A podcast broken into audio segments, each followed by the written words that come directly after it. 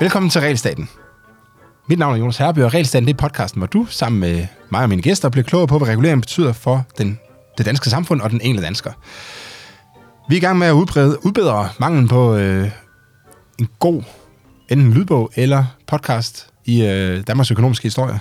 Øhm, for lang tid siden er det jo, for der er gået et år siden vi optog sidste afsnit, der, øh, der konstaterede jeg, at der fandtes faktisk ikke så mange øh, lydting om øh, Danmarks økonomiske historie.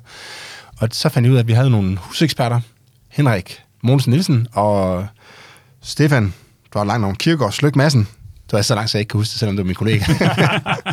som blandt andet har skrevet en bog om det, som hedder...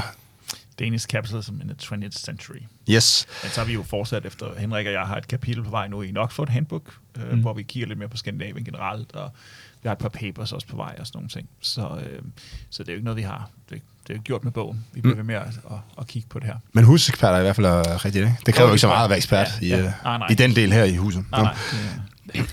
Øh, men så er det, vi er ude på, på nu, og sidste gang der talte vi om, vi har jo to afsnit, som allerede øh, er færdige, øh, hvor vi det første afsnit, du vil lige hjælpe mig her, Henrik. Ja, det første afsnit, der, øh, i, i grove træk tog vi fra år 1800 frem til 1850, øh, eller 18, 49. 49 ja, og, og så, så fra 49, 49 og så op til øh, 1901. Lige præcis. Ja. Øh, og i dag, der tænkte jeg, vi skulle, øh, eller der har I tænkt, må nok hellere være ærlig at sige, at vi skal snakke fra 1901 til 45, så vidt jeg husker. Yes. Ja. Og øh, som jeg husker, vi talte om det, nu er det jo næsten et år siden, vi optalte sidst, mm. eller optog til sidst, så kommer 2. verdenskrig til at fylde sig meget, for det er der masser af andre podcasts om. Er det rigtigt forstået? Du kan, du kan sagtens finde nogen, der kan beskrive øh, 2. verdenskrig. Ja. Så, så, det er selvfølgelig så, super interessant i perioden, men i forhold til den, vi kigger på den lange trend. Ja, ja altså jeg, jeg, tror, jeg tror for det her afsnit, der, der bliver det mest interessant mm. at kigge på perioden op til til og med 1935. Øh, og, og så resten kan du godt få med. Men vi kan godt lige tage et sidste svært med halen. For, øh, men de fleste ved nok, at tyskerne kom på et tidspunkt, og så... Tyskerne kommer igen, igen, altså det er så endnu en Terminator-film, ikke? Altså, ja. det, der er nogle enkelte ting, jeg synes, vi skal med, øh, med det omkring øh, statens agering, og måske også noget omkring, øh, hvordan forretningsfolk håndterede det og sådan nogle ting. Men lad os stande op og komme dertil. Deps. Øh, I forhold til sidst, så vi jeg genlyttede det i, øh, faktisk sent som i går. Øh, det er også der, jeg konstaterede, at det er 11 måneder siden, vi optog sidst. Øh, 23. februar 23, og nu i dag er det den, hvad har vi her? 29. januar 24, så der er gået lidt tid. Men sidste gang snakkede vi lidt om børnedødelighed, at den, var, øh, den faldt lidt i den her periode her, og det er, også, det er jo også rigtigt nok, øh, men det er faktisk ikke så meget. Det var faktisk egentlig først her fra 1901, at den her børnedødelighed for alvor begynder at falde. Øh, jeg, har, jeg fandt nogle figurer i går, og man kan se, at i det var Danmarks Statistik i Danmark, der havde vi en børnedødelighed i 1850 på omkring 150 per 1000 øh, fødsler. Og det er så vidt jeg ved, så, så det husker jeg det op til fire år. Mm. Altså, så 15 ud af 100 døde, inden at de blev fire år gamle. Mm. Øh, hver sjette barn. Ja. Det, var, det var sindssygt, ikke? når man tænker over det. og så, men så var det faktisk også, når man kom frem til 1901. Ja. Så den var egentlig rimelig flad der. Øh, og derfor så går det så meget, meget ned ad bakke. Og i den periode, når vi så slutter perioden her i dag, så er vi faktisk under 50 døde, så vi har, som vi har næsten, jeg vil nærmest ned på en fjerdedel øh, i børnedødelighed på under 50 år. Det er jo, og, helt, det er jo sindssygt. Og det, og det mærker sig så også meget, meget klart i, i befolkningstilvæksten ja. øh, generelt. Vi har, da, da perioden begynder her i 1901, så er vi 2,5 øh, millioner øh, mennesker i landet. Da vi slutter i 45, så er vi 4 millioner. Øh, så, altså, fra, fra 2 til 4, siger du, eller? Ja, fra 2,5 til 4. Øh, og, og der har vi så også med altså store befolkningsudvandringer. Øh, to krige. Øh, den ene er vi ikke aktivt deltagende i, men Øh, men, det er ikke rigtig den anden, vel? ja, men vi, vi, vi, vi er med på andre måder. Ja, ja altså der er jo også, altså i løbet af, ikke for at gå tilbage igen, jeg ved godt, du gerne vil videre, men øh, i løbet af, af det 19. århundrede har vi jo også en virkelig voldsom fremgang. Ikke? Jeg tror, i, i år 1800 er vi 900.000 danskere, ikke? Øh, i det vi kalder Danmark i dag. Ikke? Og slutter så på de der to, et eller andet, som du lige nævnte. Øh, så, og, så, så børnedødigheden havde allerede faldet markant, men vi var slet ikke altså slet ikke ramt dernede, hvor vi kommer til at ramme den. Ikke? Øh, og, og det, der jo skal til for, at børnedødighed falder, altså lidt meget simpelt, altså det er jo velstand, det er, at øh, man har råd til at leve bedre, mm. fordi børn er, er udsatte og svagelige på mange måder, og øh, derfor så kræver det noget velstand at, at gøre noget. Og teknologisk, det, teknologisk udvikling, ikke? Ja. Og, og, og det, altså, det, det viser tal sådan set også meget, ja. meget fint. Altså når jeg var nede og kigge på det øh, til, øh, til at forberede mig til det her program, Og, øh, og vi har jo også sådan, den, altså væksten i den gennemsnitlige middellevealder, den er i år 1900 på 52 år. Da vi slutter den 45, er vi oppe på 67 år. Øh, jeg fandt et Så er det tal- 52 til 67? til 67 år på, ja. på Men det er jo så også 45. meget for grund af, af, af børnedødeligheden, Det, ikke? det betyder, at der er, øh, altså, at, øh, der er en, en, en øh, altså hvert år, så stiger den, den gennemsnitlige levealder med 5 måneder øh, i hele den her periode. Og Ja, det, det er skyldes hygiejne, øh, fødevareteknologi, øh, klorakering er Ja. ja. god, øh, altså det menneskelige almen velfærd Ja. øh, Ja. er stigende i den her periode. Også, også noget så simpelt som øh, sådan, altså industrialisering, som selvfølgelig også er, er hård i starten, når maskinerne ikke er sikre, men de bliver jo løbende sikre og sikre, og der er jo ikke nogen, der har lyst til at slå sine arbejdere ihjel, for eksempel. Nej. Og øh, så, så det betyder også noget. Ja, ja, en anden ting, som jeg bemærkede, da jeg kiggede på de grafer her, det var, at øh, man har jo data. For Danmark har man tilbage til 1830 cirka, 35 måske. Øh, det er lidt svært at se på den her. Og så fra Sverige har vi så tilbage til 1751.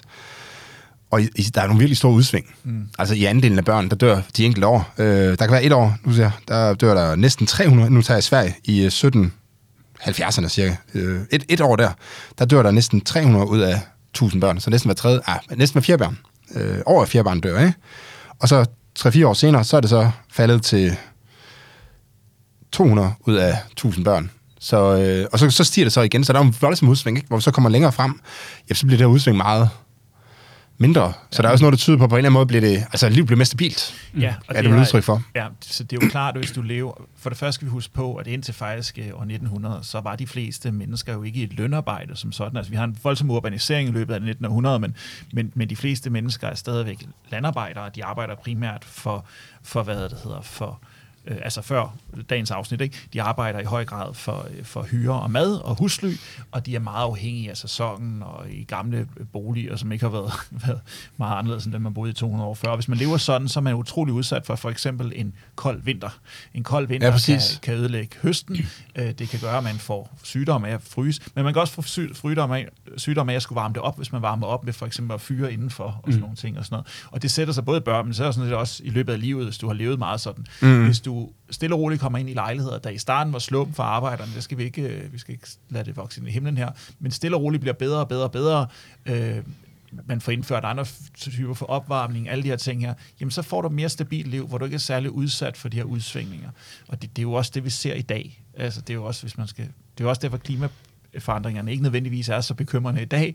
Ikke for økonomer i hvert fald. Nej, præcis. Som de ville have været, hvis vi stod i noget lignende for 200 år siden. Fordi de fleste af os lever helt normale mennesker med en masse teknologi omkring os, der beskytter os for rigtig mange udsving. Ja, temperaturen er altid sådan et par 20 grader hjemme i ens hus, ikke? Ja, Nærmest uanset, hvordan det er udenfor. Præcis, ikke? Og, sådan, og, og vi synes, det er ekstra koldt, når vi lige får frost, men så vi vendet os til det, og, fordi så, frost, altså, så køber vi en større jakke. Eller, eller. Mm, mm. Ja.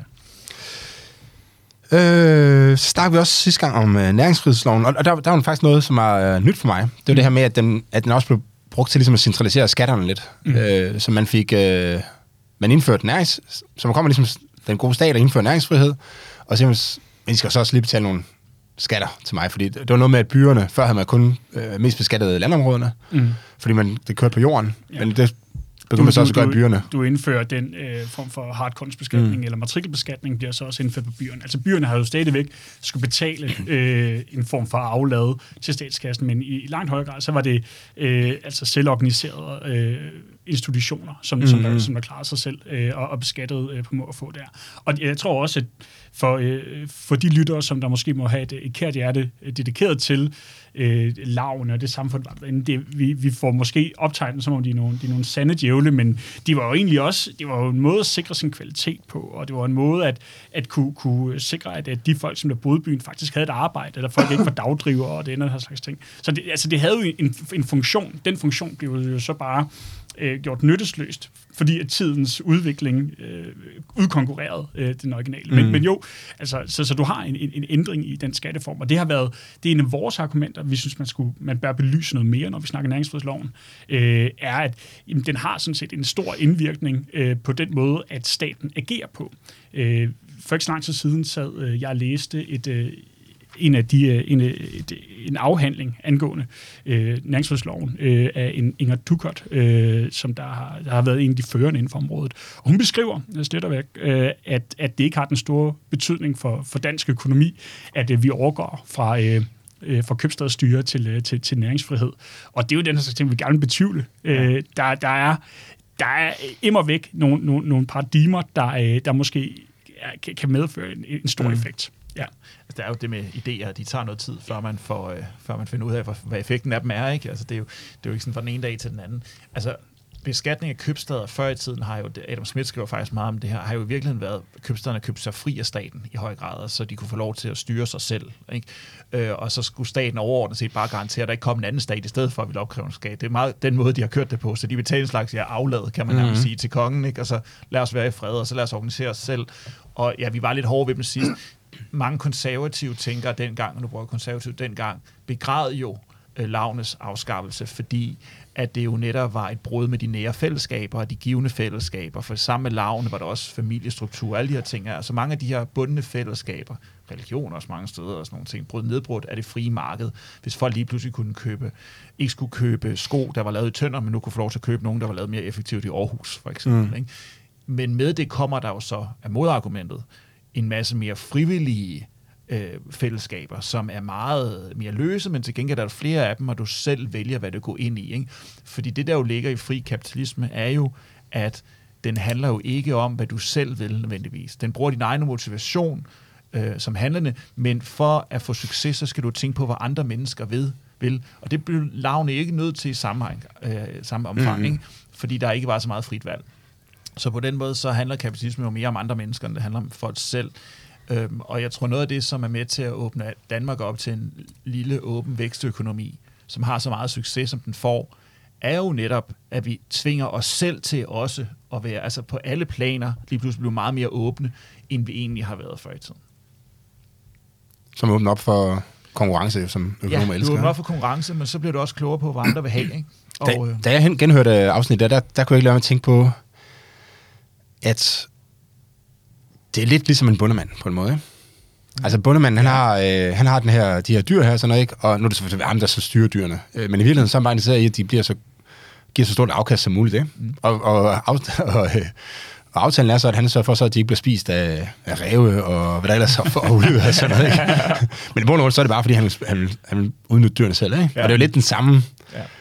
Man er gang i. Det lyder lidt, som om man er gang i her. Ikke? At staten kommer og siger sådan, hey, jeg har fundet på en bedre måde, hvor vi kan optimere... Øh, nu, nu går jeg ind og siger, nu skal I nu er væk med lavene, nu skal vi have fri konkurrence, fordi det, så kan jeg få et større afkast. Ja. Øh, og det, det, det lyder... Mm, vi siger, det, vi siger det ikke i podcasten, vi snakker egentlig meget udenom det der, men mm. når man sådan hører det som liberal økonom nok, så, så kommer det meget til at lyde som om, at staten ligesom siger, jeg har fundet en bedre måde at drive det her på. Men det er også rigtigt nok. og, og, og, de, altså, og staten har et meget klart incitament for at netop at lave den her skattebetaling. Det er, at Højre på det her tidspunkt er interesseret i hvad? De er interesseret i forsvarspolitik.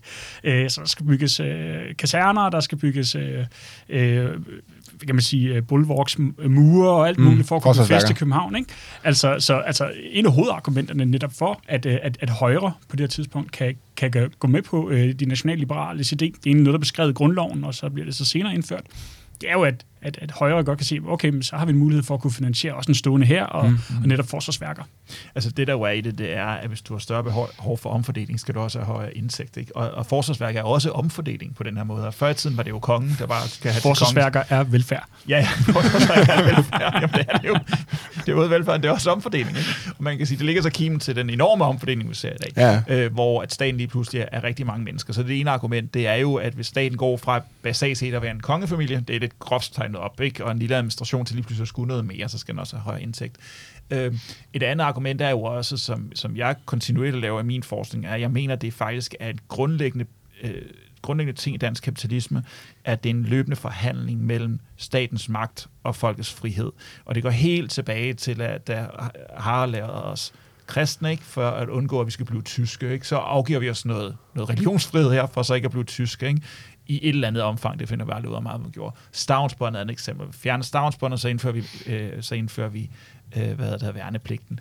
Så der er ligesom den her hele tiden give and take, fordi vi faktisk har tradition for en ret stærk stat i Danmark. Ikke en stor stat, men en stærk stat. Den har egentlig altid været, der har været perioder, hvor den har været udfordret, men mm. ideen om, at der skulle være en stærk stat, der kunne sætte sin vilje igennem, har faktisk altid været. Mm. Men, men så er I sådan over for folket, der helst skal være frie. Ikke? Og det er også som relativt indiskutabelt, at i dag, altså grunden til, at vi kan have så stor en velfærdsstat i dag, er jo, at vi har et meget liberalt samfund. Ja, ja. Altså, vi er meget effektive, det gør, at der kommer et stort overskud, som, øh, ja.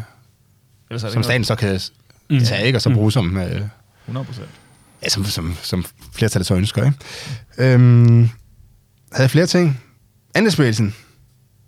Der, der snakker vi lidt, der, og det, der synes jeg selv, jeg begik en lidt fejl. Det var, at vi, øh, jeg, jeg, var, jeg fokuserede sådan lidt på, om det var, øh, det der med, om det var, det var demokratisk, eller om det var kapitalisme, eller sådan noget. Men i bund og grund, det der egentlig er centralt der, det er jo det der med, at, som jeg lige nævnte, at der er konkurrence. Ja. Så der, yeah. der er konkurrence om at så finde ud af, hvordan, hvad kan, hvordan kan vi gøre det her smartest yeah. muligt, ikke? At før havde det været, øh, jeg tror vi nævnte lidt med, at tidligere havde det været sådan hermanden, der skulle på en eller anden måde skulle, han var den eneste, der havde Yes.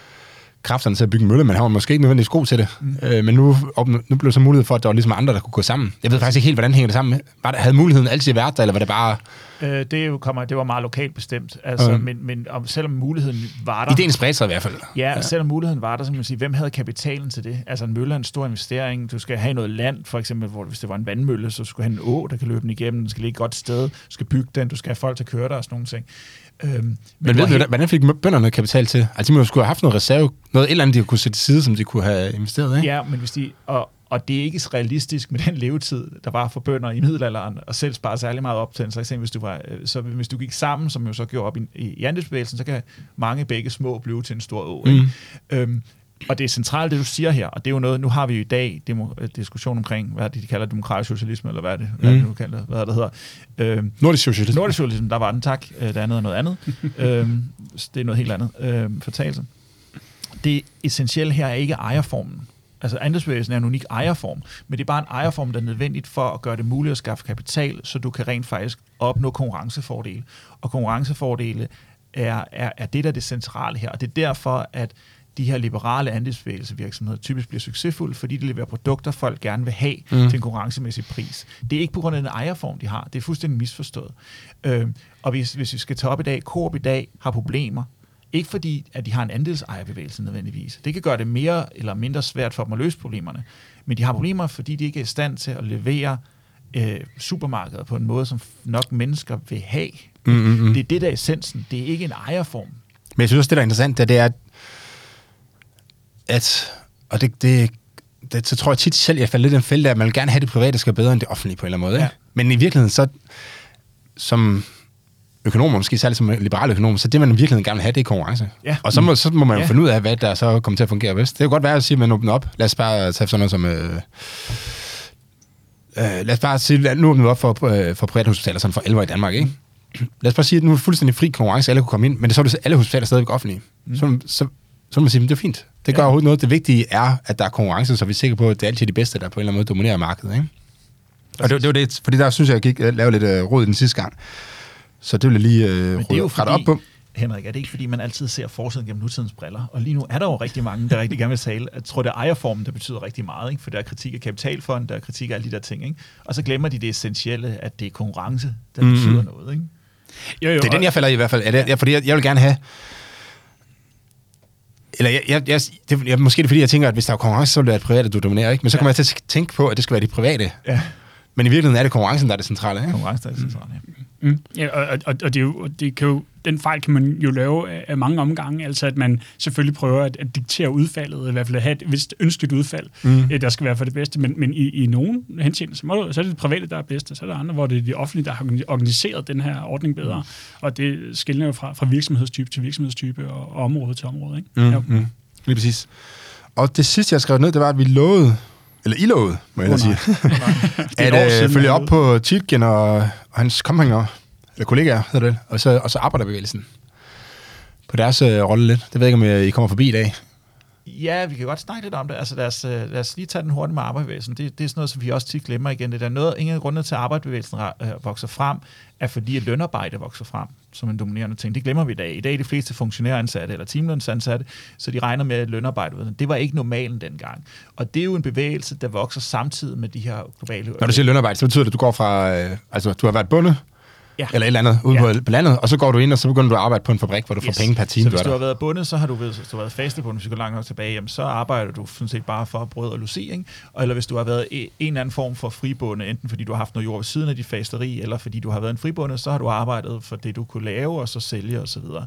Øh, det, der jo sker, det er, at efterhånden som de her industrialiseringer kommer frem, og og for brevet kommer frem, så ønsker man specialisering i højere og højere grad. I starten ikke så meget, men i højere og højere grad. Så ansætter man folk til at sige, du skal møde klokken 7 om morgenen, og du skal arbejde til klokken 4, eller hvor nu er. Du får tre øre i timen, eller hvad man nu bliver enige om. Ikke? Og det skaber en masse grobund for de her mennesker kan organisere sig til at lave kollektive aftaler gennem arbejdsvæsenet. Det er lige pludselig relevant.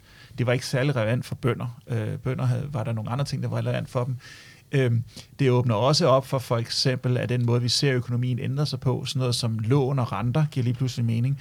Øh, en bundemand dengang, i det omfang, at de havde reddet kontanter, så var det noget, der kom måske to gange om året, når man tog på markedsdag og solgte overskud. Resten af tiden var det jo meget sådan i sig selv, øh, eller sådan handler om at få produktionen til at køre. Der er jo ikke mange, der i dag kunne gå ned i banken og sige, jeg får løn to gange om året. Altså det, og det er jo et meget spekulativt, hvad jeg får. Så, så kan du ikke få et realkreditlån, vel? Mm. Men du kan godt lige så stille og roligt begynde at sidde og sige, igen, ikke i starten, ikke i den periode, der er i her nu, men det begynder at komme, ikke? Kunder siger, hør, jeg har faktisk en fast kontrakt med Carlsberg, de betaler mig så og så meget, øh, hvad det hedder, øh, kan jeg få lov til at låne til det her hus? Og så begynder det stille og roligt at komme, eller lejligheder, hvad det nu er. Ikke? Og det er ikke arbejdspladsen, det starter med. Men, men, så det har store effekter, at de her store entreprenører begynder at sætte gang i industrialiseringen, som lige pludselig giver et marked igen for, for hvad det hedder, for organisering af arbejdere. Ikke? Så, så det, det, er jo den vej, det går. Øh, organiseringen af arbejdere kommer ikke før industrialiseringen. Ligesom mm. velfærdsstaten ikke kommer før rigdom. Rigdom kommer før velfærdsstaten. Og, og hvad det hedder, industrialiseringen kommer før organiseringen af arbejdere. Og hvad så er det en... Øh, altså nu snakker vi før om det her med konkurrence og kon- konkurrence mellem forskellige idéer. Øh, og det er jo, der er jo lidt en blanding, for der er jo, der er jo også lidt kamp. Ja. Det er jo ikke, men men i og med, at det også har hængt ved så lang tid, det, er det, kan man så ikke godt sige, at det var faktisk en god idé? Altså, det løste faktisk nogle problemer i samfundet, at uh, arbejderne organiserede sig i starten af, jo. af århundredet der. Jo, altså jeg... Det, det tror jeg er gældende for, for, ja. for hele det 20. århundrede op ja. til i dag, er, øh, kan, du, kan du, selvom at du er liberal øh, og kapitalistisk sindet, så er, er den måde, som du har, du, du har lavet en model med, med en arbejderbevægelse, der har en, øh, der har en indflydelse, har jo egentlig vist sig at være et ret godt boldværk mod øh, en anden udfordring, nemlig statsindgriben.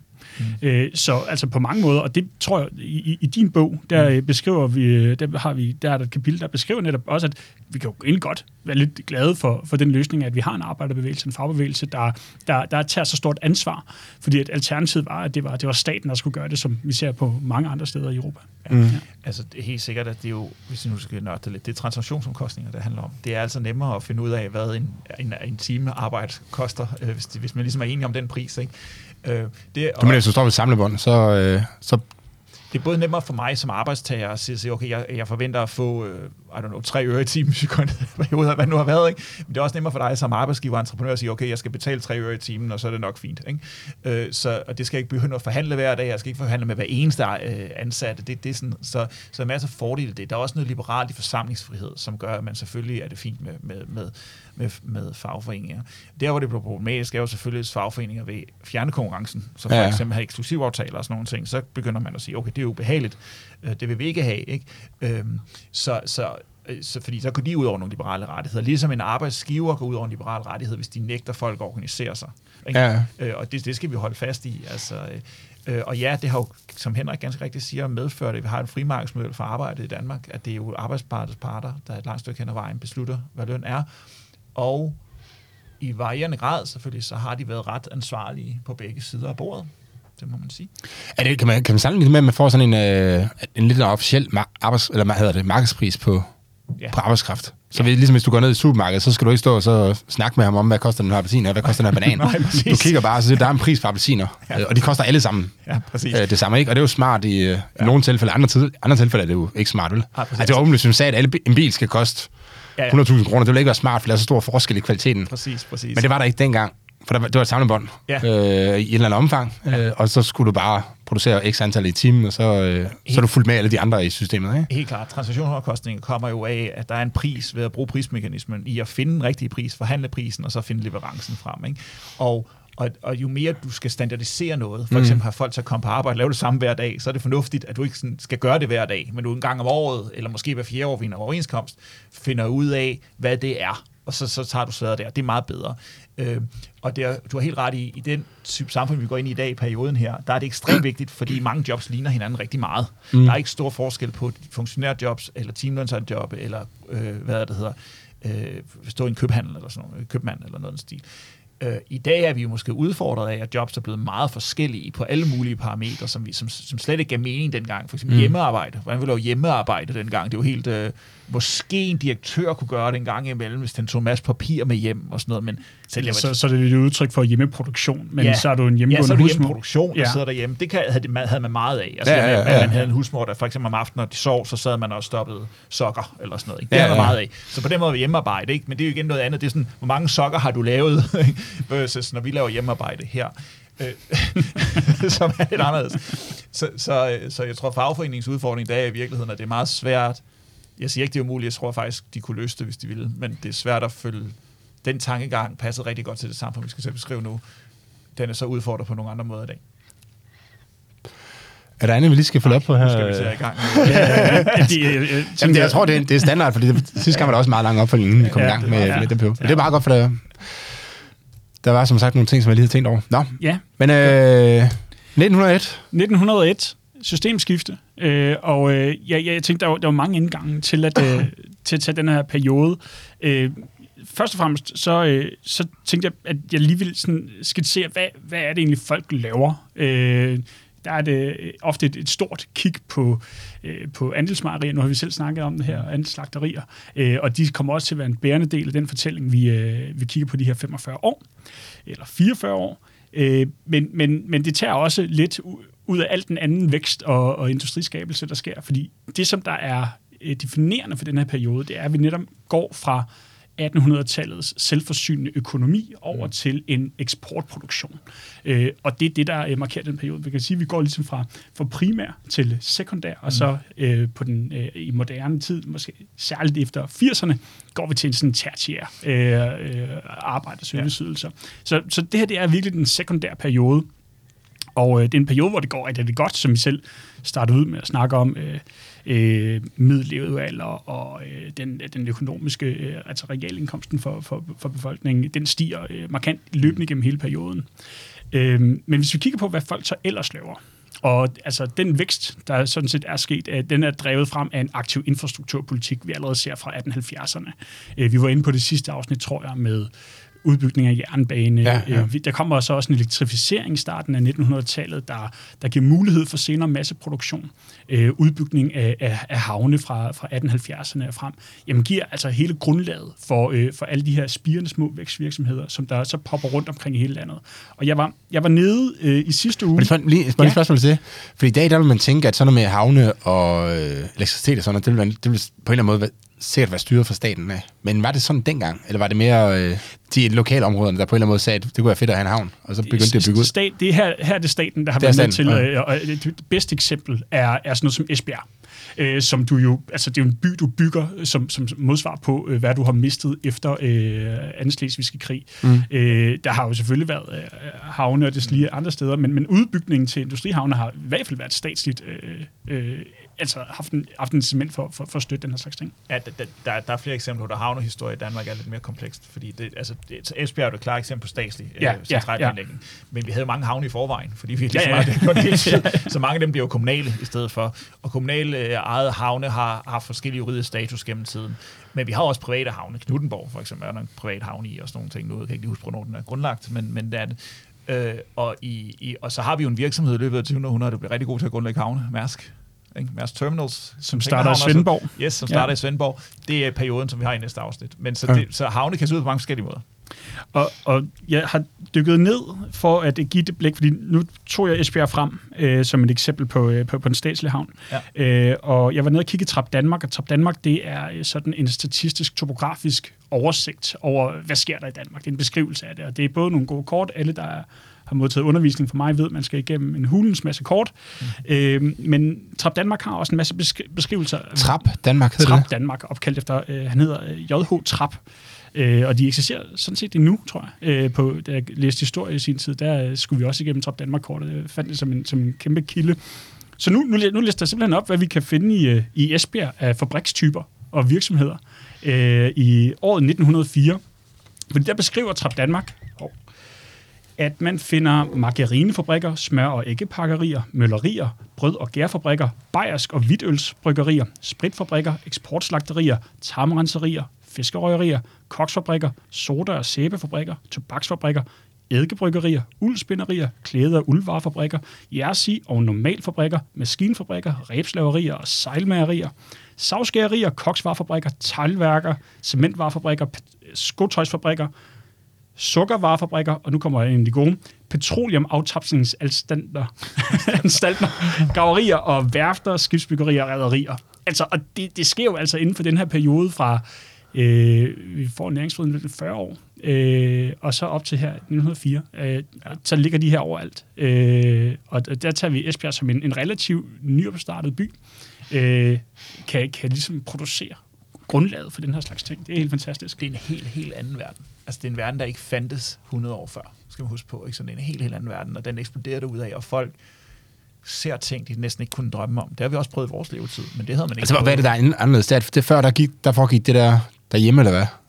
Ja, mange af de her, mange af de her teknologier og produkter havde man dårligt nok. Ikke? Og Til at så er det starte med, så eksisterede byen ikke. Nej, Øh, nej, lige præcis. Nej, men det er også bare sådan, det der, altså det der med, at der kommer øh, fabrikker, Ja. og sådan noget, det, altså, og, s- og store slagterier og mejerier, og sådan noget, det er vel helt nyt, ikke? Altså, Jo, det er- Før jo, stod jo, man jo, jo jo, gerne jo. med, Før gerne stod- sit smør derhjemme. Ja, præcis. Fordi det, der netop er, det er netop, det, det går for den her selvforsynende øh, økonomi, som kun til at besvare øh, området og, og egnen, ikke? Til at sige, okay, men så laver vi simpelthen, øh, det giver mening for os at lave en, øh, øh, en sejlfabrik. Øh, øh, og det er, det er jo et svar på, på, på nye tider. Mhm. Øh, og det er jo en frisættelseshistorie, det glemmer vi også tit i dag. Fordi før i tiden, så skulle du, øh, du var pålagt at give dig noget arbejde, for eksempel som festebøn eller på anden måde, til en herremand, eller hvem din herre nu var, og så må du gå hjem og lave alting selv.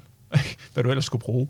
Nu går du ud, sælger, dig, sælger din arbejdskraft, så kan du egentlig bruge de penge på, hvad du vil. Mm. Så allerede der har du frihed. Men over tid, så de her teknologier og løsninger sætter også mere og mere frit i hjemmet. Børnene skal arbejde mindre og mindre i, i løbet af det 20. århundrede. Kvinderne kan slippe for arbejde mindre og mindre. Vi ser den stadig i dag. I dag har man, øh, nu, noget af det seneste nye, de fleste har, er vel en, en støvsugerrobot, for eksempel, sådan nogle ting. Så en del af det her er jo en sådan frisættelseshistorie, skal vi huske på. Det glemmer vi tit også. Mm. Øhm, Og der er mange af dem her, der også går galt, garanteret. Altså, Ja, ja. Det, det, det skal man også, som der er også en del igen, konkurrencen som værende øh, målet, ikke bare antallet af private virksomheder, der bliver, øh, der bliver skabt. Mm. Men Henrik siger også noget vigtigt med den eksportgenererende. I den her periode her, ej det starter før, men DFDS og butikken, øh, øh, 13 dobler deres englandstransport i den her periode her, fordi meget af det her går... Hvilken periode snakker vi der? Det er, ja, det er omkring også 1875, ikke? og frem Ja. til, til, hvad det hedder, til, til 1920 eller sådan noget. Ikke? 13 dobler perioden. Øh, ej, det er frem til Første verdenskrigs udbrud selvfølgelig. Der sker ligesom noget der. Men, øh, så, så der er, øh, det, og det viser bare, hvor meget, altså hvor meget mere vi, vi kan lave, mm. hvor meget mere vi kan sende ud af landet, og det er godt, for så får vi penge ind og sådan nogle ting. Ja, som vi kan importere, så vi importerer præcis. virkelig nogle ting. Ja, og så kan vi begynde at importere ting, ikke? Så det, det er jo virkelig, øh, det er jo fantastisk. Altså, øh, ja. Og, og jeg tror, en del af den fortælling, som, som der er vigtigt at have med i perioden der, fordi nu bruger vi, øh, du bruger ofte titlen som eksempel. Jeg Ja. bruger øh, H.N. Andersen, som der Ja. ja. stiftede Østasiatisk Kompani, som, øh, som nok min pejlemærke for, for den type erhvervsledere, som der, der er med til at definere Danmark i den her periode.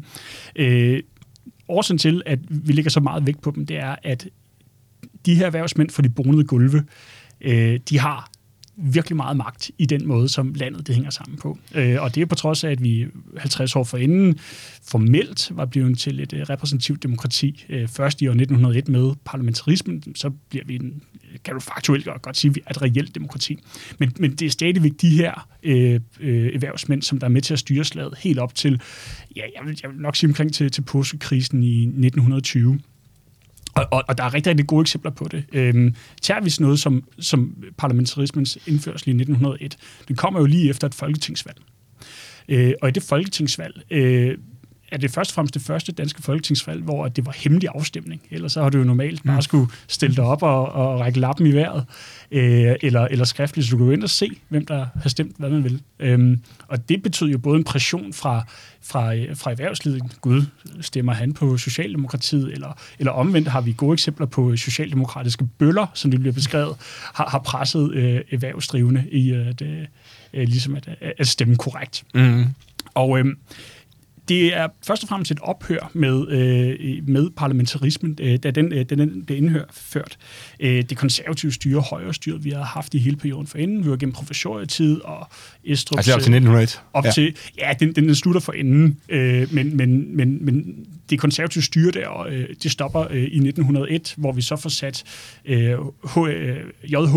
Øh, Dønsner ind som, øh, som konseilpræsident, og nu siger vi bare statsminister fra resten af tiden. Ja, ja. Øhm, og det, der er værd at bemærke, det er, at han er endnu et eksempel på de her erhvervsmænd, som der kommer ind i dansk politik. Fordi han har jo stillet ikke engang op til Folketinget. Altså, han var udpeget af kongen direkte, fordi han var venner med H.N. Andersen, som øh, der var ØK-stifter, der var ven med kongen. Kongen skulle, øh, det er Christian 9. på det tidspunkt, øh, efter folketingsvalget tog han øh, på sit årlige kurophold ned til Baden-Baden i Tyskland, øh, og skulle lige summe hmm, kan vi sætte en, en venstre mand i spidsen for, øh, for partiet? Fordi Venstre på det tidspunkt var jo reelt ledet af øh, I.C. Christensen, en, en vestjysk skolelærer. Der ham kunne man altså ikke til at være statsminister. Øh, så, så Dønster blev, blev indsat øh, og blev spurgt direkte af kongen, øh, om øh, altså, er du rigtig venstremand? Ikke ikke så meget, så det gør noget, som han selv besvarer. Øh, og det er jo den her form for, øh, for, for altså stadig en politisk ledelse igennem kongen, øh, som, som vi ser. Og han er jo statsminister frem til 1905. Øh, Mens at det i, i, i realiteten jo sådan set er I.C. Christensen, der har opbakningen. Fordi det, der sker lige efter det folketingsvalg og med parlamentarismens indførsel, der øh, har vi øh, en, øh, en, en fuldledet øh, venstre regering. De sidder sådan set på magten. De er højre øh, der havde tidligere siddet ved magten, øh, får kun otte mandater ind i Folketinget, som en, øh, en socialdemokratisk vis skriver øh, meget sjovt, da det er en droskefuld, der kan være hele, hele folketingsgruppen af de her magtfulde folk, de kan, de kan simpelthen sidde i en vogn nu. Øhm, og det er, jo, det er jo et godt udtryk for, at jamen, hvordan at kongemagten og aristokratiet og de bonede gulve i erhvervslivet har haft enormt meget magt til at skulle sidde og vælge at vurdere øh, de her øh, øh, hvordan landet skulle ledes. Og, og det, det er definerende periode, for perioden, så måske når Titken får så meget magt, eller H.N. Andersen gør, så det er jo også et udtryk for, at de sådan set bare sidder og bruger, hvad det allerede har. Mm-hmm. Men øh, ja, det er jeg enig i, men det er samtidig også, vi har også været utrolig heldige med den elite, der var dengang, øh, som vi snakker om set med Estrup, ikke lå til Paris sig selv.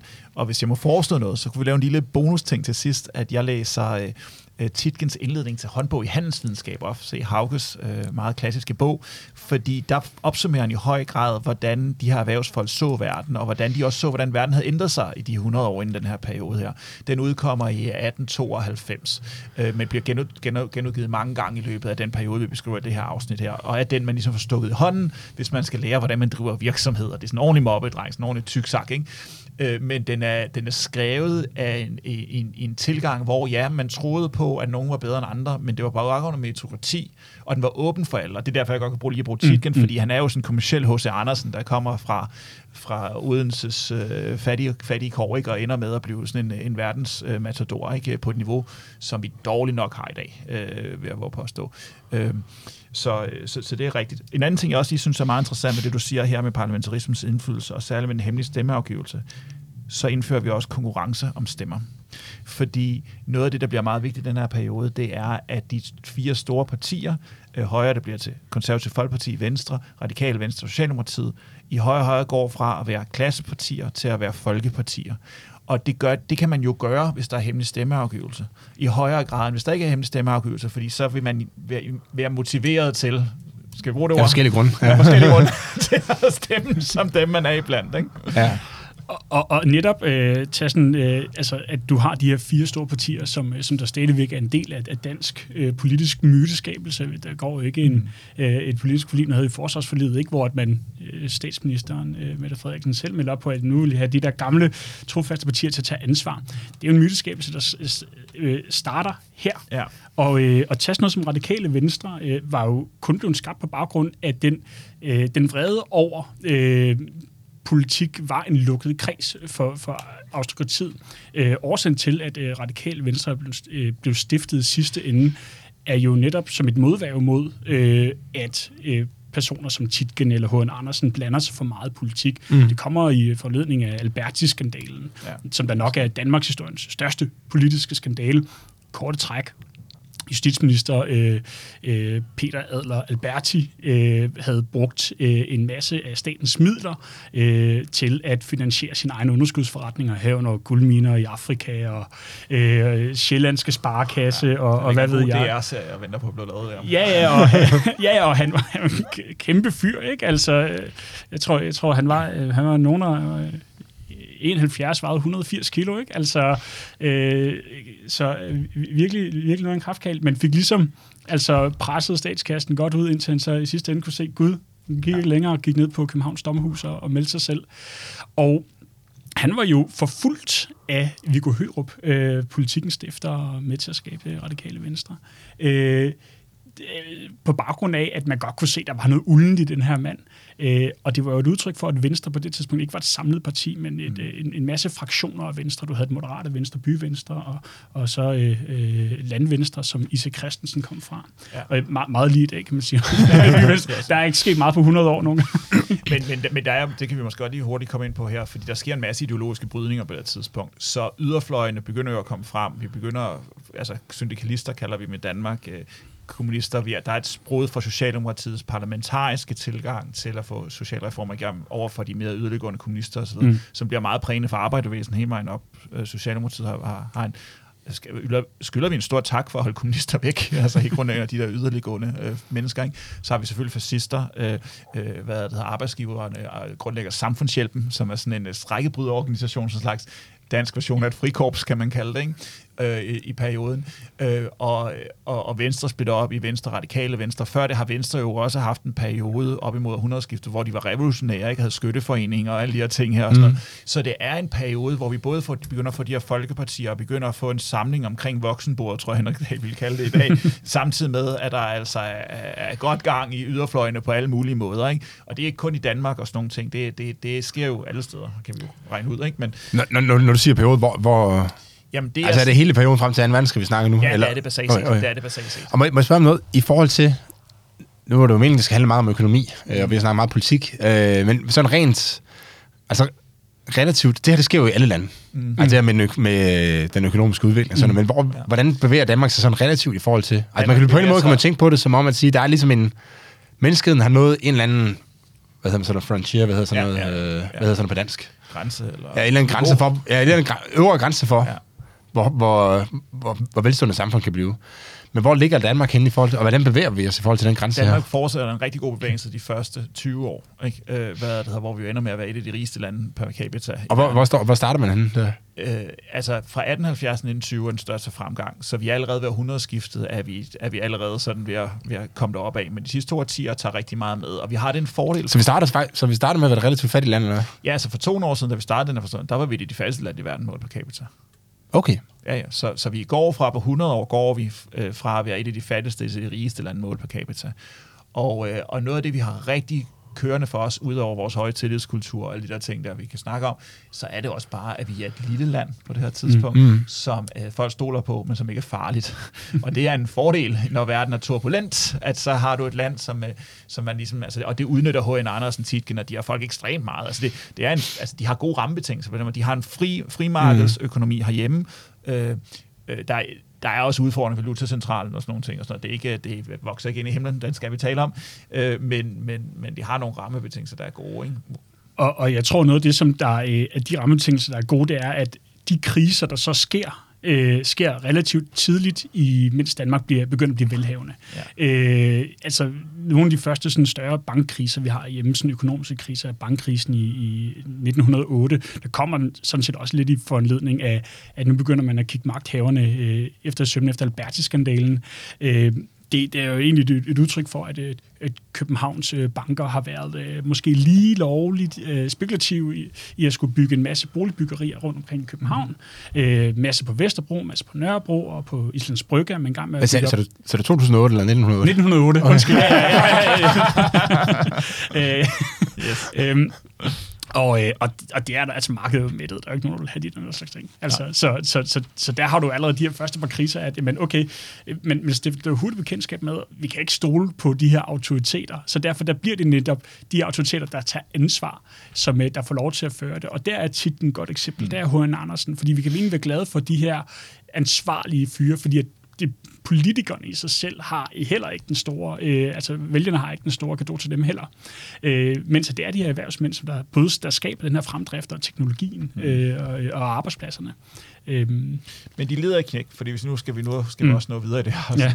så i løbet af den her periode her, så sker der jo nogle ting. Så vi får Alberti-krisen, vi får bankkrisen. Så den her gamle generation af, af urbane matadorer, tror jeg, det jeg har mm. kaldt det med deres, de, øh, deres anseelse falder. Storkapital, den globale, urbaniserede, meget finansielt orienteret kapital øh, lider, en, lider knæk. En af de sidste af dem er faktisk øh, Novo Nordisk grundlægger, øh, er nok en af de sidste, der, sådan, øh, der sådan brænder igennem af den generation af erhvervsfolk.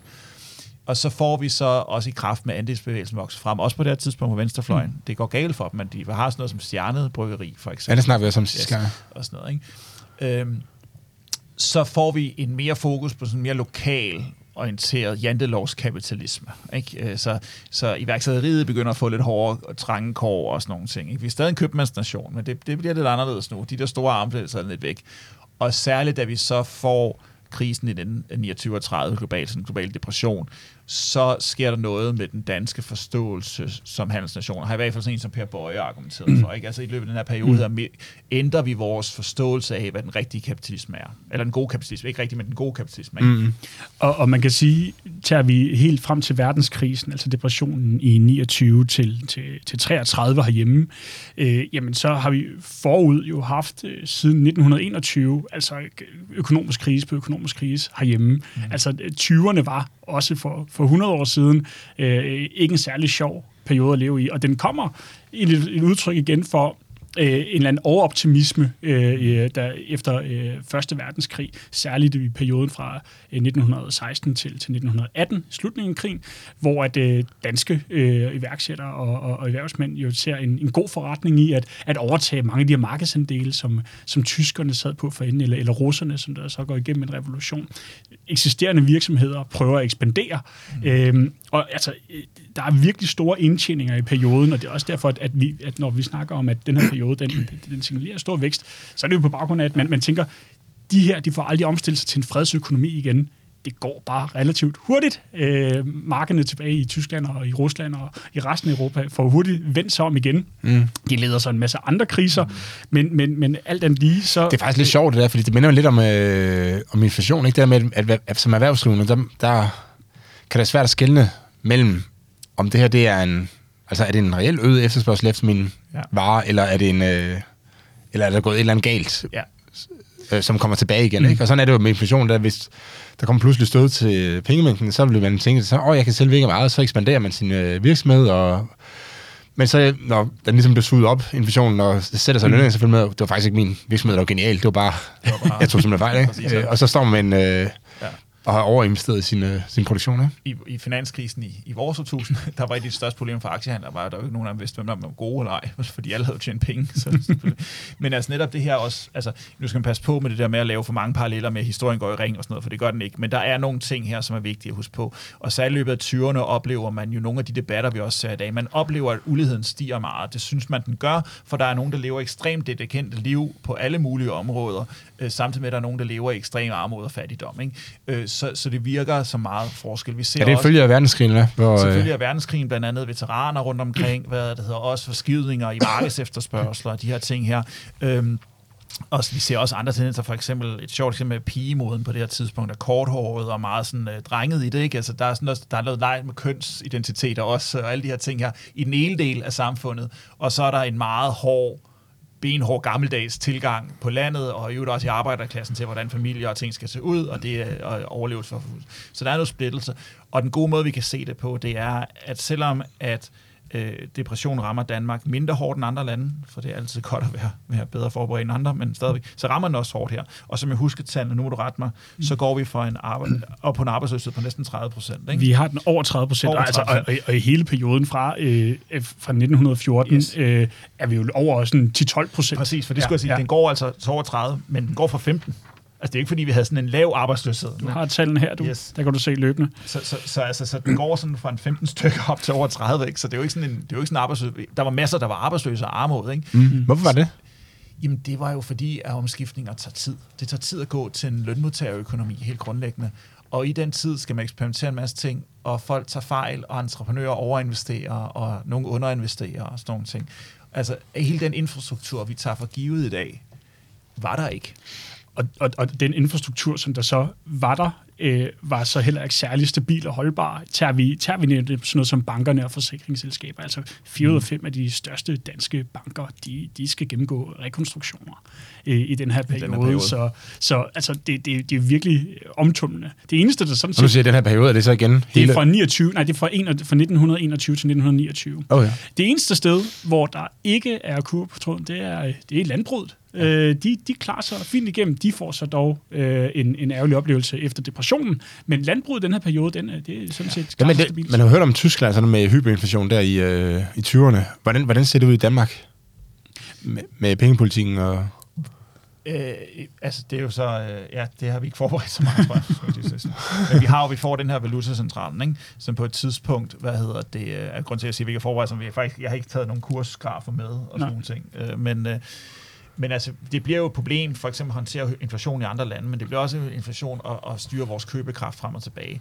Og, øh, og så derfor har vi valutacentralen, som er på et tidspunkt bliver så stor som resten af staten, så man simpelthen skal spørge om lov til at få vekslet penge, når man skal lave ordre og sådan nogle ting. Ikke? Så en ret, faktisk en ret stor, vil nogen argumentere for en form for centralstyring af en visse dele af økonomien, i hvert fald det, der går ind og ud af landet. Mm. Det er et argument. Et andet ting er jo også, at noget af det, der sker i forbindelse med Første Verdenskrig, er jo, at vi indfører en masse øh, restriktioner på visse typer af varer, øh, og der havde vi en tendens til at gøre det luksusorienteret, fordi at den, allerede dengang var politikere og populister, så sådan noget som nødder dengang var jo luksusprodukt, mm. og derfor den der infame nødeskat, som man taler om for nogle år siden, den kom derfra, ikke?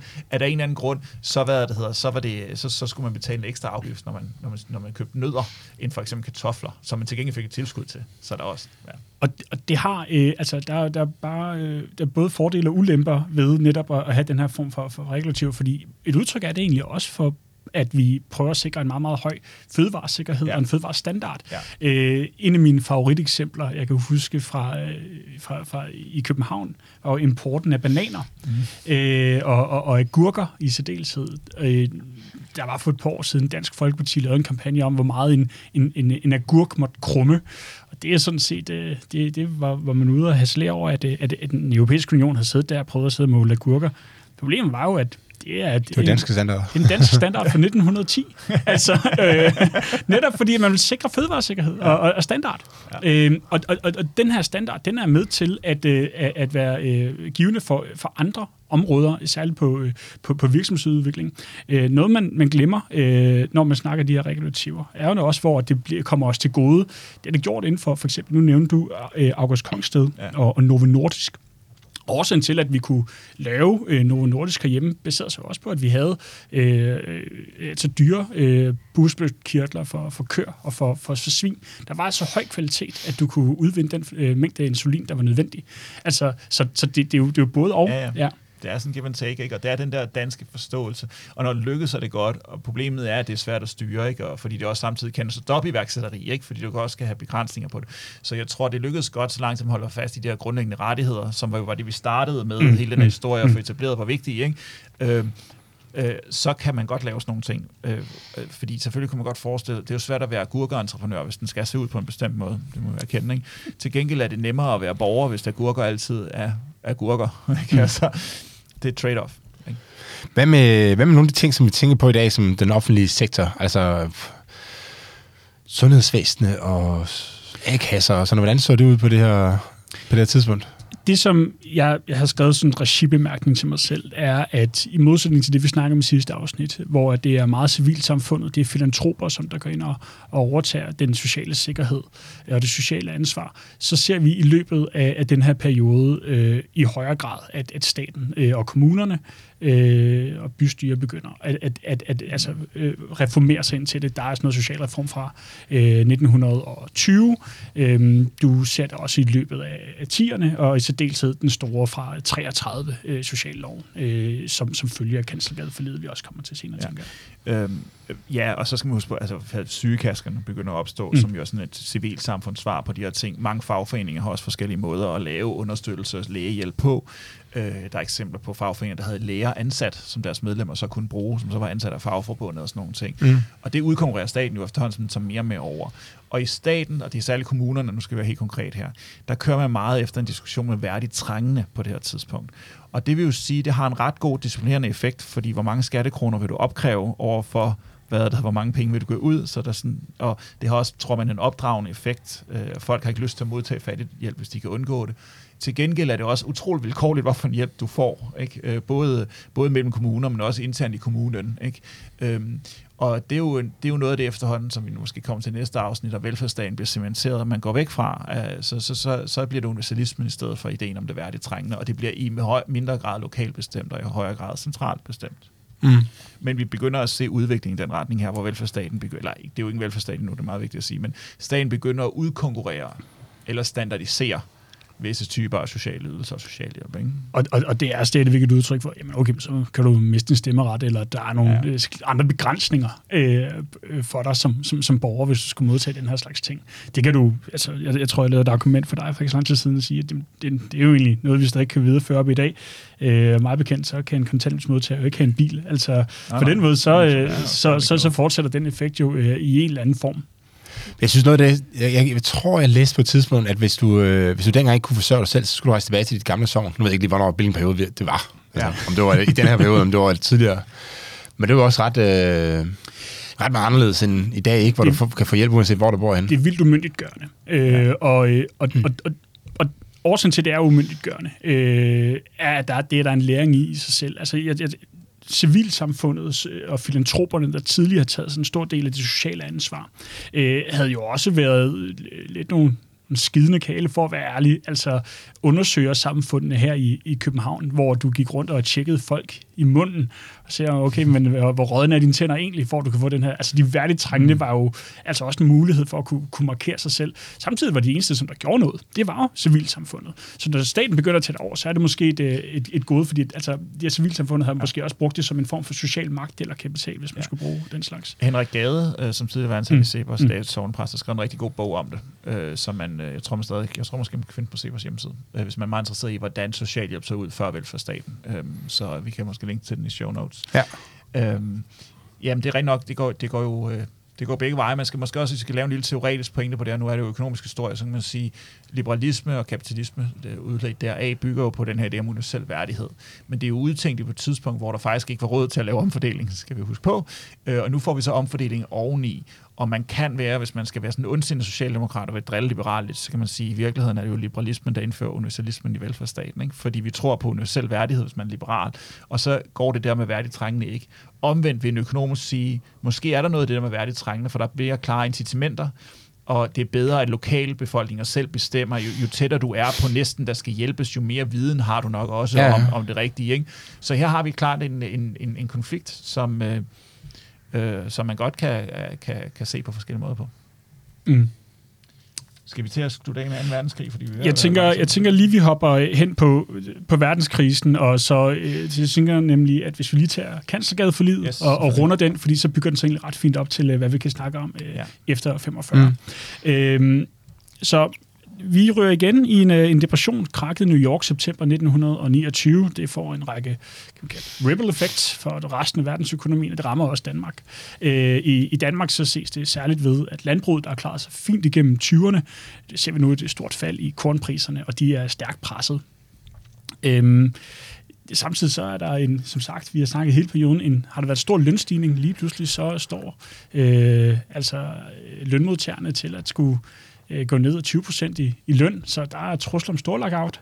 Øh, og man bliver nødt til at kunne finde et kompromis på det her spørgsmål, og det bliver så det, det famøse kanslergade forlig, hvor at, øh, jamen, altså op mod 100.000 øh, arbejdere havde, havde, havde truslet med en, en, en, sat en trussel for en stor lockout, så det ville kun forværre den krise, vi sad i. Så det er arbejdsgiverne, bare lige for dem, der ikke lige er med, at arbejdsgiverne siger, I, kan, I kommer ikke til at med på arbejde, hvis ikke I går med til nogle bestemte... Altså, lockout, det betyder, at de... Ja, ja, ja. ja, ja. Øh, så, så det er der, arbejdsgiveren, der strækker på en ja, eller anden måde. Så der, der, altså, der, øh, der strækker. Ja. Og, og, det var fordi, at fagbevægelsen nemlig havde, havde afvist de her lønreduktioner. De er op mod 20 procent i lønreduktion. Så, så mm. øh, de, der, der var en god uenighed øh, under kedlerne her. Øh, Men det er måske meget, hvis lige må uddybe den, ja. det var måske meget interessant som en sådan en, hvor man nu snakker vi om, at fagforeninger har gjort det meget, meget mm. godt øh, Mm. tidligere, men det her, hvor, hvor de måske fejler lidt, ikke? fordi at man kan sige, at når arbejdsløsheden er meget, meget høj, Mm. så er det fordi lønningerne er for høje. Øh, skyldes i hvert fald for høj grad, at lønningerne er for høje. Ikke? Så der er jo behov for, at man går ned i løn, men det er dem, der er, i arbejde. Ja. Øh, jo så ikke interesseret i, og dem, der ligesom er det, man i økonomisk øh, teori vil kalde sådan insiderne i den her auktion, yes. Yes. de, bliver, de er jo ikke interesseret i at gå ned i løn. Men det kommer så på bekostning af dem, der står udenfor. Øh, Og, og, det er, øh, og det er, øh, kan man sige, Stavning, som der er statsminister på det her tidspunkt, det er han sådan set bevidst om, mm. Da, da han laver det. Han, han, han siger også selv, jamen vi opgiver principperne, altså principperne bag den danske model på det tidspunkt.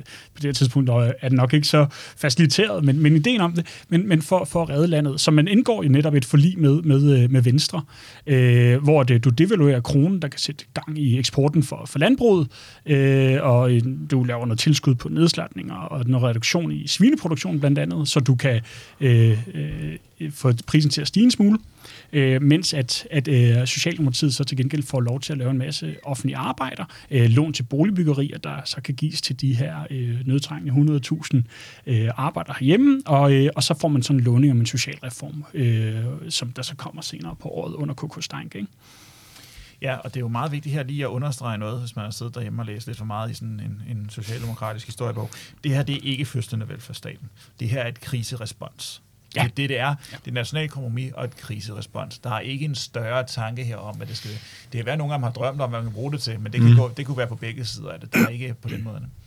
Og skal vi så lige tage 2. verdenskrig her til sidst? Har jeg point. tage. Ja, ja, fordi jeg, jeg vil bare lige hurtigt tilknytte at netop, at øh, den måde, som velfærdsstatsmyten er blevet baseret på, er jo netop igennem den kompromisfortælling, at man så venstre sig bagefter vil være med til at arbejde på en social reform, man så også øh, indfører.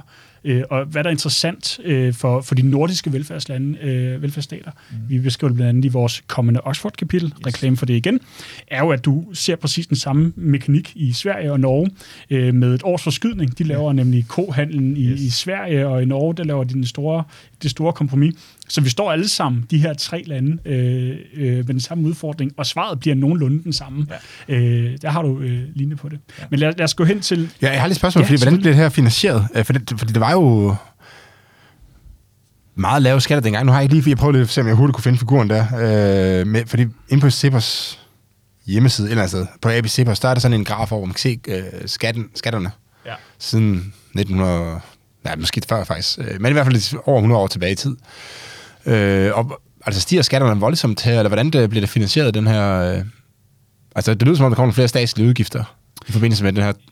I, i, årene op, I årene op til, i hvert fald før, før øh, i, i slutningen af den krise, vi har i 20'erne, der har vi øh, Madsen Mygdal, som der er øh, blandt øh, liberale borgerlige en, en, et KFA, fordi han øh, er en af øh, de her type sådan bundliberale for 20'erne, der siger, "Jamen, lad falde væk, stå. Det er sådan set Ja. den mand øh, og, og skære i, i, i udgifter. Øh, ja. Men, men øh, jeg, jeg ved ikke helt præcis, hvad, hvad skal Øh, så vidt jeg husker det, men øh, hvis der er lyttere, der sidder derude, så er der nogle særskatter, der indføres på det her tidspunkt. Øhm, og hvad man ikke har haft så meget tradition for før. Ikke? Øh, og, øh, øh, og så er det stadig, selvom det, selvom det er ting, der skal finansieres, så er det jo stadigvæk, det, det er jo ikke i nærheden af det, vi er på nu. Den helt store Nej, det er klart, det er klart. kommer først fra 60'erne og frem. Ikke? Øh, jeg tænker lige, hvor pokker er den? Ej, det er altså, jeg vil, jeg vil ikke finde den. Ja. Øh, det må, det må lige, det, vi har en opfølging næste gang. Ja, det har så tager vi den Det er der. op til lov. Det er rigtig godt. Det synes jeg også fedt ved det her koncept, så kan vi ligesom fortsætte der. For det er jo også det med historie, der er, det er vigtigt at få nuancerne med, ikke? og der, er- der, der, det er ikke det hele, man kan huske hovedet. Så, øh, Nej, for det skal bare tro, for er vi er vi ikke enige om det her, sta- staten påtager sig nogle opgaver her, Jo, det gør de. som den ikke havde før, som, Ja. ja. så et eller andet sted skulle man jo tro, eller nej, det, man burde kunne aflæse det i skattetryk på en eller anden måde, Ja. hvor, hvor stort omfang det her har. Så Ja. hvis man nu sagde, at det her det er starten på velfærdsstaten, så må man se et markant stigning i, i skatterne. Ja. Hvis det er mere sådan en, okay, det er en krisehåndtering, vi laver det, der lige skal til for at komme igennem, jeg tror, så vil man tro, det var en lille Ja. øh, effekt tror, på skatterne. Det vigtige her er egentlig, at man ser på det her tidspunkt staten, som skulle stille gode rammer for markedet. Mm. Det er det, der er pointen. Hvor man nu i dag i en socialstat siger, at markedet skal finansiere staten. Ja, Ikke? ja. Og det, den, så det skifter ikke sket her. Det skift her er så at sige, så i det omfang, at man pålægger markedet Præcis. byrder, skal det modsvares meget, meget kraftigt med, at man får noget konkret igen. Ikke? Mm, mm. Øhm, så øh, ja, jeg tror faktisk, ja. Det, og det, det passer jo egentlig meget godt i den måde, vi startede det på, ikke? Man siger, Ja. at vi skal have en... Øh, altså, vi skal have noget... Vi skal have et marked, der fungerer, så vi kan... Så bunden kan komme til at få noget at spise, ikke? Mm. Præcis. Præcis. Øhm, nå, 2. verdenskrig. Øh, nu er vi jo økonomer her, så vi er jo Nogle af os. Hvad er det? Og jeg er historikeren. Skulle, skulle, skulle du misbillige mig til det her afsnit? Eller hvad? Nej, vi kunne ikke have lavet det. Henrik, han er en fantastisk stor talent, så det er godt. Men øh, det var mere, så du kunne opte ud af den betegnelse, ikke? Hvad yes, du selv yes. identificerer dig Ja. som, og sådan nogle ting, ikke? Ja. Nå, anyway, vi er økonomer, vi kan godt lide at være effektive, og derfor har vi jo valgt i planlægningen, at vi ikke går særlig meget op i den her optakten op til krigsudbruddet og selve krigsudbruddet, for det er der rigtig mange podcast om, og ligesom alle andre historier, det er uendelig komplekst. Det, der er interessant for en økonomisk historievinkel at gøre opmærksom på, det er, Danmark lider relativt lidt under besættelsen. Det kan vi ikke lide at snakke om, men det gør vi særligt, mm. indtil samarbejdspolitikken bryder sammen, og faktisk hele krigen er den næring, en dansker gennemsnitligt får højere end selv tyskerne selv. Så vi lider ikke Altså så meget. kalorier per dag. Ja, præcis. Ja. Mm. Vi lider ikke særlig meget. Det kan vi ikke lide at snakke om. Vi var også ret eftergivende, ret samarbejdsvillige med de her tyskere, på et niveau, hvor at de allierede lidt næsten, næsten indregnet, i hvert fald nogle af os, som en slags aksemagt. Ikke? I hvert fald efter krigen var der meget store diskussioner. Kommunisterne så os som værende, vel, altså Sovjet, det havde de selvfølgelig også en egen interesse i. Men det, der er relevant her, så at sige, hvad er det egentlig, der sker?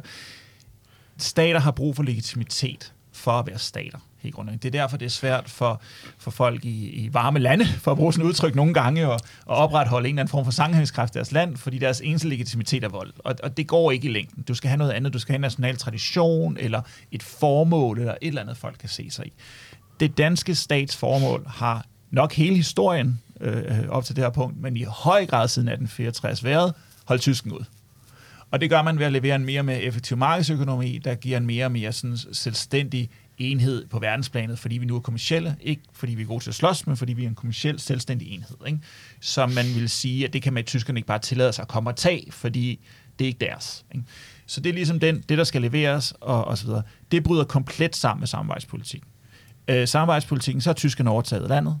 Staten bliver, øh, magtanvendelsen bliver vilkårlig. Det er svært for, for virksomheder at finde ud af, hvem de må handle med og ikke handle med. Det er jo også noget, der stadig dukker op i dagspressen i dag, med hvilke virksomheder, samarbejdspolitik osv. Så, så hele grundlaget for, hvad Danmark er, så den danske stat er måske, for at være helt konkret her, forsvinder. Samtidig med, at staten som organisation... Udfordres i hvert fald. Udfordres, ja. Okay, udfordres. ikke forsvinder. Nej, fordi staten som organisation overlever jo sådan set. Altså, Ja, politiet bliver inkarneret, og herren bliver så men altså, der er jo stadig... Embedsmændene fortsætter. Ja, og så videre. Så, så vi får en interessant periode, vi skal snakke om næste gang, som er der, hvor velfærdsstaten skabes, hvor der i virkeligheden er et tomrum i formål, uden at vi er et anarki. Og det er et ret unikt i verdenshistorien, og det er noget, det jeg har brugt rigtig lang tid på at tænke over. Vi har et paper, vi prøver at gøre færdigt, så vi kan snakke om næste gang. For det er en meget, meget sjov periode. Normalt, når du har et tomhavn på den måde, så er du også samtidig borgerkrig eller anarki, eller noget af den stil, en negativ udlæggelse af det, hvor der er også en positiv udlæggelse af anarki.